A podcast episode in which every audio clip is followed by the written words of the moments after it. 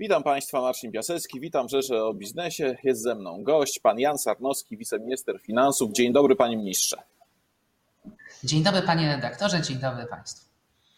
Panie ministrze, tydzień temu e, zaprezentował, no, ministerstwo zaprezentowało i pana osoba e, e, pakiet zmian w podatku VAT, to się nazywa ta koncepcja Slim, Slim VAT.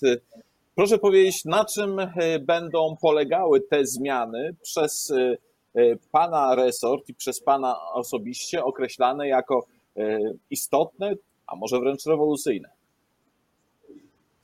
E, zacznijmy od wyjaśnienia tego pojęcia. Slim VAT to jest akronim. Akronim ułożony ze słów Simple, Local and Modern, czyli to jest podatek, który po pierwsze jest E, prosty w obsłudze, po drugie dostosowany jest do lokalnej specyfiki państwa, w którym funkcjonuje, a po trzecie jest to podatek nowoczesny, ale nowoczesność oznacza nie tylko udostępnianie kolejnych e, e-usług administracji, ale również pewien trend. Trend polegający na tym, że e, wraz z udostępnianiem administracji kolejnych narzędzi działania zmniejszamy obowiązki ciążące na podatnikach. Ja bym powiedział, że praktycznie to jest zmiana bardziej mentalna i filozoficzna niż legislacyjna, chociaż również ma swoje swoje y, konsekwencje legislacyjne i właśnie tydzień temu zaprezentowaliśmy taki pierwszy e, pakiet regulacji. Natomiast na czym to polega mentalnie? E, polega to na tym, że właśnie w miarę rosnącego wolumenu informacji posiadanego przez administrację e, zmniejsza się ilość obowiązków ciążących na podatnikach. Pamiętajmy, większość firm rozliczających VAT w Polsce to są małe i średnie przedsiębiorstwa. Ten segment jest w Polsce szczególnie dobrze rozwinięty.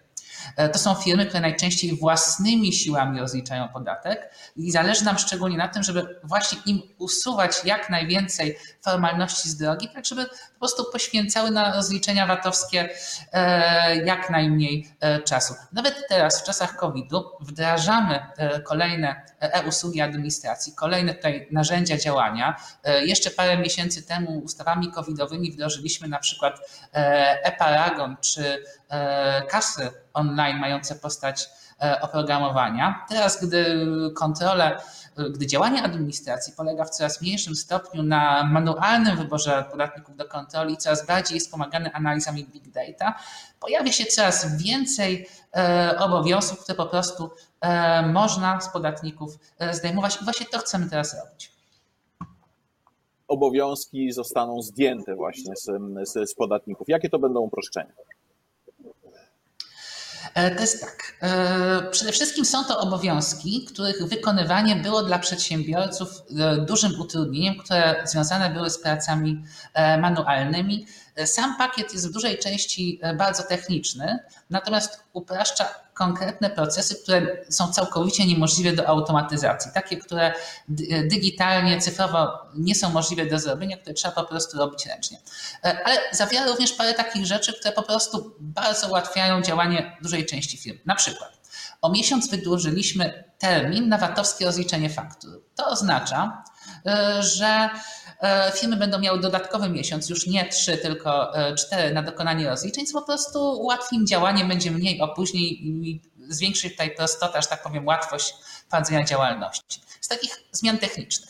Dotychczas firma dająca rabat e, musiała pilnować tego, czy dostała potwierdzenie otrzymania faktury korygującej, czy nie. E, często w ogóle rozliczenie rabatu rozkładało się firmom na wiele miesięcy, musiały dokonywać korekt. Teraz udzielamy rabatu, nie muszę czekać na interakcję ze swoim klientem. No w końcu to też jest e, zdarzenie na jego korzyść. Natychmiast uwzględniam to w moim rozliczeniu VAT-owskim.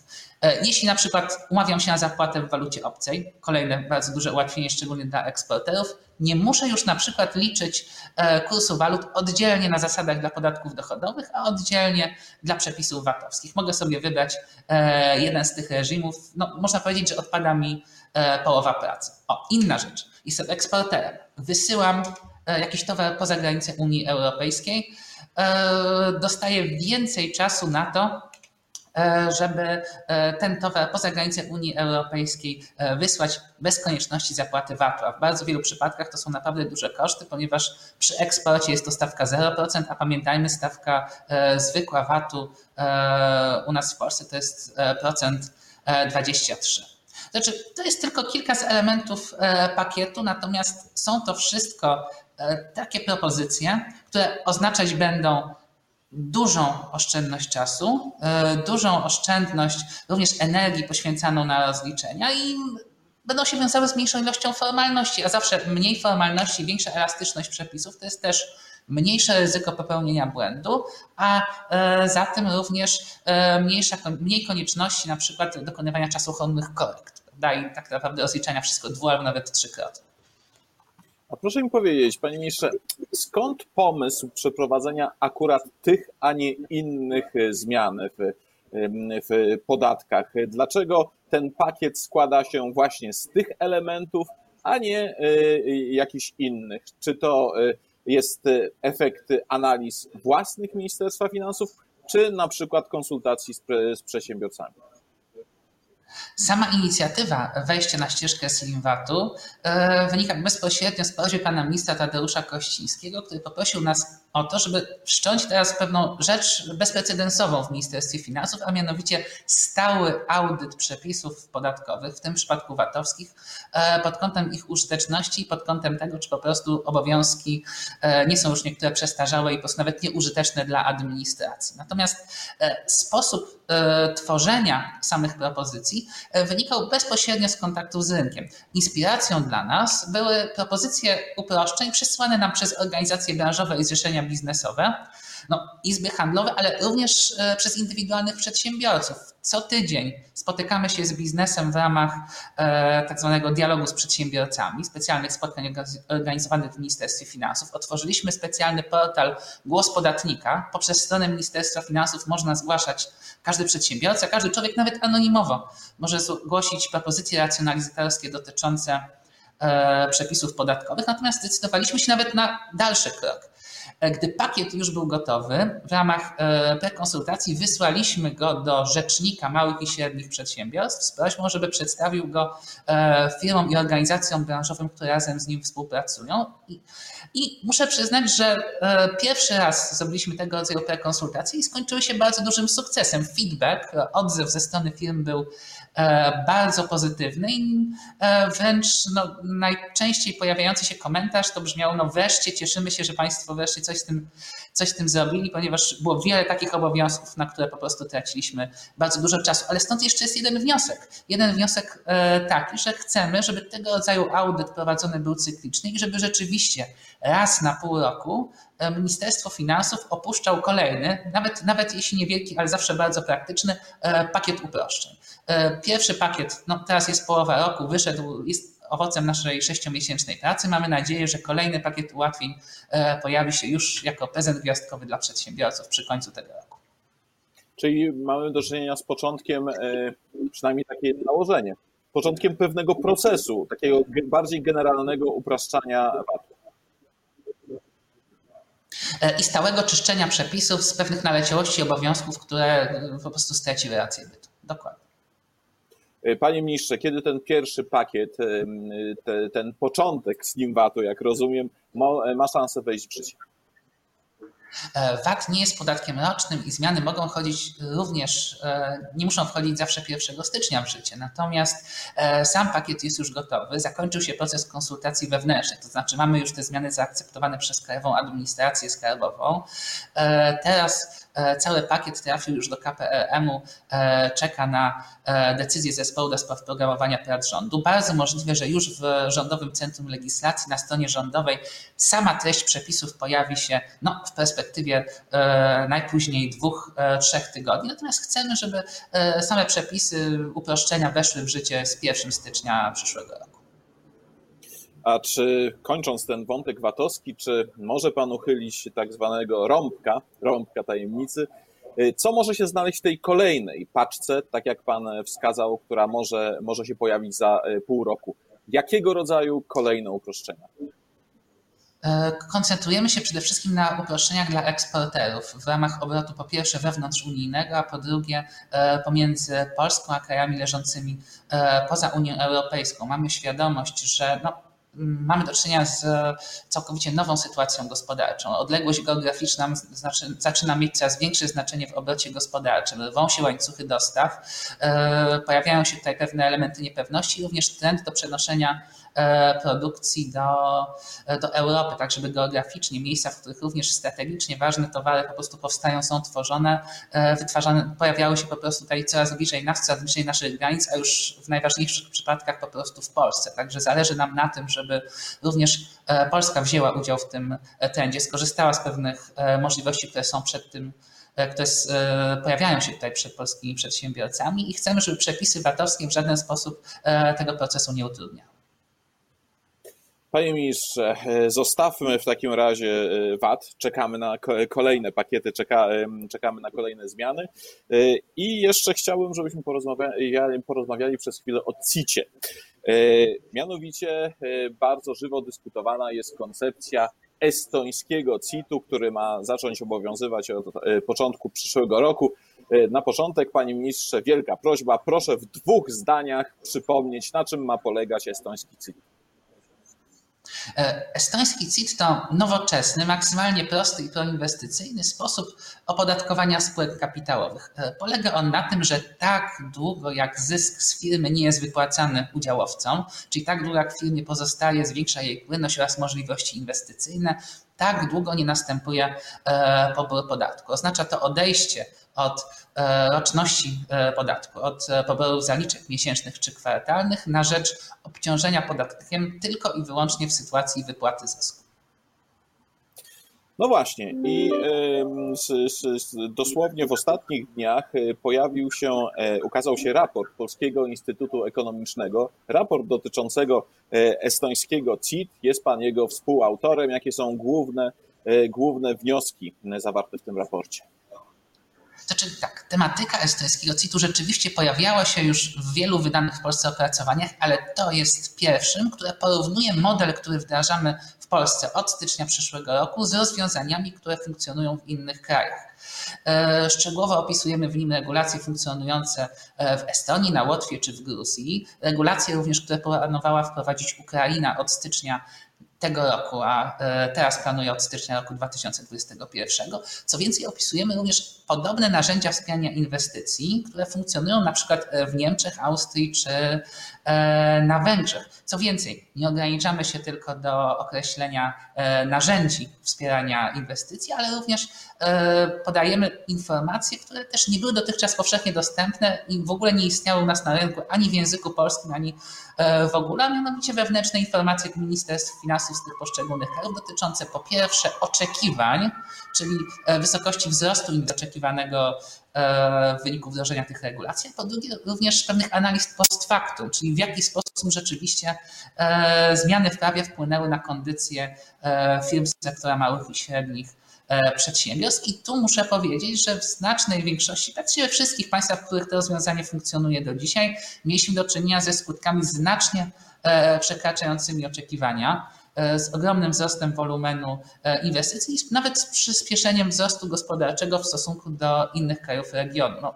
w pierwszych latach po wdrożeniu estońskiego CIT-u w samej Estonii, bo to był rok 2000, e, tempo wzrostu gospodarczego było o 40% wyższe niż w innych krajach regionu, czyli w Łotwie i na Litwie.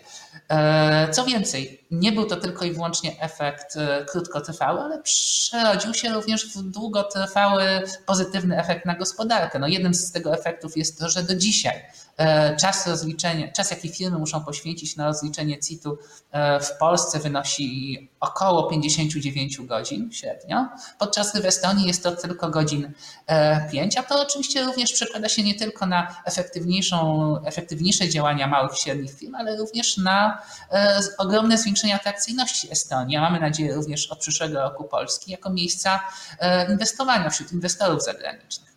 No, Y, dobrym argumentem są na przykład bardzo wysokie miejsca w rankingu Estonii, y, w rankingach takich jak na przykład Doing Business, Paying Taxes czy Tax Competitiveness Index. No można powiedzieć, że to jest niesamowite. Estonia króluje w tych rankingach, jest pierwszym krajem co do najłatwiejszych rozliczeń CIT-u, zaraz po rajach podatkowych, po krajach na przykład Zatoki Perskiej, miejscach, w których CIT praktycznie nie obowiązuje i rozliczeń po prostu fizycznie nie ma. No tak, ale i to jest jedna z głównych wątpliwości dotyczących estońskiego CIT-u. Jest to kraj mały, niewielka, niewielka gospodarka, którą, no mówiąc bardzo kolokwialnie, tak stosunkowo łatwo ogarnąć. Natomiast w Polsce, no, po pierwsze, mamy znacznie większą gospodarkę, znacznie większy potencjał, no i co tu dużo mówić, no po prostu też znacznie większe skomplikowanie, że tak powiem, rzeczywistości gospodarczej. Innymi słowy, czy to, co zadziałało w Estonii, zadziała również u nas? Jak najbardziej zadziała projekt, który przygotowaliśmy, był przygotowany e, w tandemie wspólnie z Ministerstwem Finansów Estonii, które również uczestniczyło w naszych pracach i z którym byliśmy w stałym kontakcie. Mieliśmy tą możliwość, żeby uczyć się na doświadczeniach Estonii, a pamiętajmy, że to są to doświadczenia bardzo duże, już ponad 20-letnie. W końcu ta regulacja weszła w życie 1 stycznia 2000 roku. E, rzeczywiście no, poznaliśmy wady i również zalety tego systemu. To, o czym nam mówili Estończycy, to jest przede wszystkim to, że największy efekt e, ta reforma miała wśród e, firm sektora małych i średnich przedsiębiorstw, wśród tych firm, które w Estonii przed wdrożeniem tej reformy i w Polsce do dzisiaj borykały się z dostępem do e, finansowania inwestycji. My również wiemy, że nawet w czasie koniunktury, jeszcze rok czy dwa lata temu, e, małe i średnie firmy w Polsce inwestowały bardzo mało, proporcjonalnie mniej niż tylko, nie tylko niż średnia unijna, ale nawet niż e, małe i średnie firmy działające w Estonii. Można powiedzieć, że w ten sposób otwieramy dla nich tą możliwość. Po drugie, wprowadziliśmy również pewne ograniczenia. Ograniczenia dotyczące nie tylko wielkości firmy, która może skorzystać z tego narzędzia, no to jest również ograniczenie, które na przykład chciało siebie wprowadzić Ukraina, ale również ograniczyliśmy to tylko do firm, które rzeczywiście prowadzą działalność w Polsce, czyli prowadzą większość wpływów osiągają z działalności operacyjnej, które nie są powiązane kapitałowo ze spółkami zarejestrowanymi w innych krajach Unii Europejskiej, czyli nie mogą być wykorzystywane do międzynarodowych optymalizacji podatkowych, a, po, a poza tym e, wprowadziliśmy obowiązek stopniowego zwiększania wolumenu inwestycji, tak żeby nie doprowadzić do takiej sytuacji jak w Estonii, w której mamy do czynienia z wręcz nadpłynnością firm i z całkowitym brakiem narzędzi e, wpływania na firmy do tego, żeby te środki nie leżały na kontach, tylko żeby były wydawane i również wpływały na produktywność e, i na zwiększenie zatrudnienia. Co więcej, ograniczenia, które wprowadziliśmy w Polsce, spotkały się z bardzo dużym zainteresowaniem strony ukraińskiej. Jesteśmy w stałym kontakcie z Ministerstwem Finansów Ukrainy, e, z panią wiceminister odpowiedzialną za e, legislację podatkową.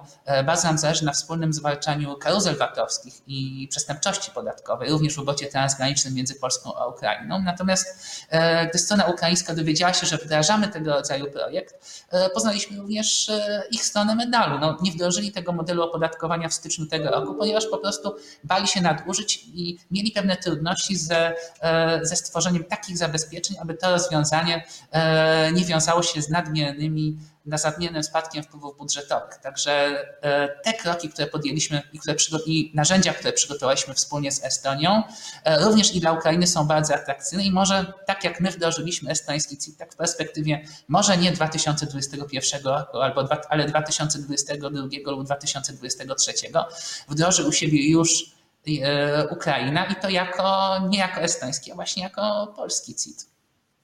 Panie ministrze, na koniec zapytam, czy nas na estoński CIT po prostu stać. Koszt, przewidywany koszt tej e, e, ulgi dla budżetu to prawie 5 miliardów złotych, złotych rocznie. Sytuacja budżetu, i to nie jest żadna tajemnica, jest trudna, skomplikowała się bardzo mocno w związku z epidemią, w związku z zamrożeniem gospodarki. No cóż, wracam do pytania, czy stać nas na taki, taki wydatek, czy taki brak wpływów do budżetu?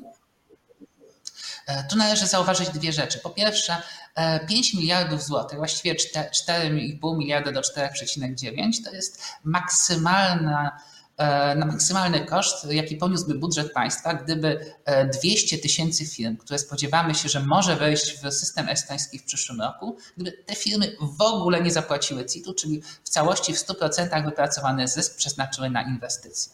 Nawet w takim no, pesymistycznym z punktu widzenia budżetu państwa scenariuszu. Mielibyśmy do czynienia z dużym wzrostem wpływów z innych podatków, na przykład z podatku VAT od e, dokonanych wydatków inwestycyjnych oraz z e, podatków dochodowych, nawet nowych pracowników zatrudnionych przez te firmy. Natomiast też powinniśmy pamiętać, nawet w sytuacji, gdyby wiązało się to z pewnym wydatkiem dla budżetu państwa, oczywiście też podejrzewam, że nawet dużo niższym niż te 5 miliardów wpisane w ocenie skutków regulacji, jest to konstruktywna inwestycja w polską gospodarkę. Pamiętajmy, kluczowe dla zapewnienia bezpieczeństwa poziomu wpływów budżetowych jest zachowanie bazy podatkowej, a mianowicie umożliwienie firmom wejścia w restart gospodarki, e, w powrót do normalności i całkowicie kluczową kwestią jest tutaj e, zachęcenie ich również do dokonywania inwestycji, e, zwiększania skali prowadzonej działalności i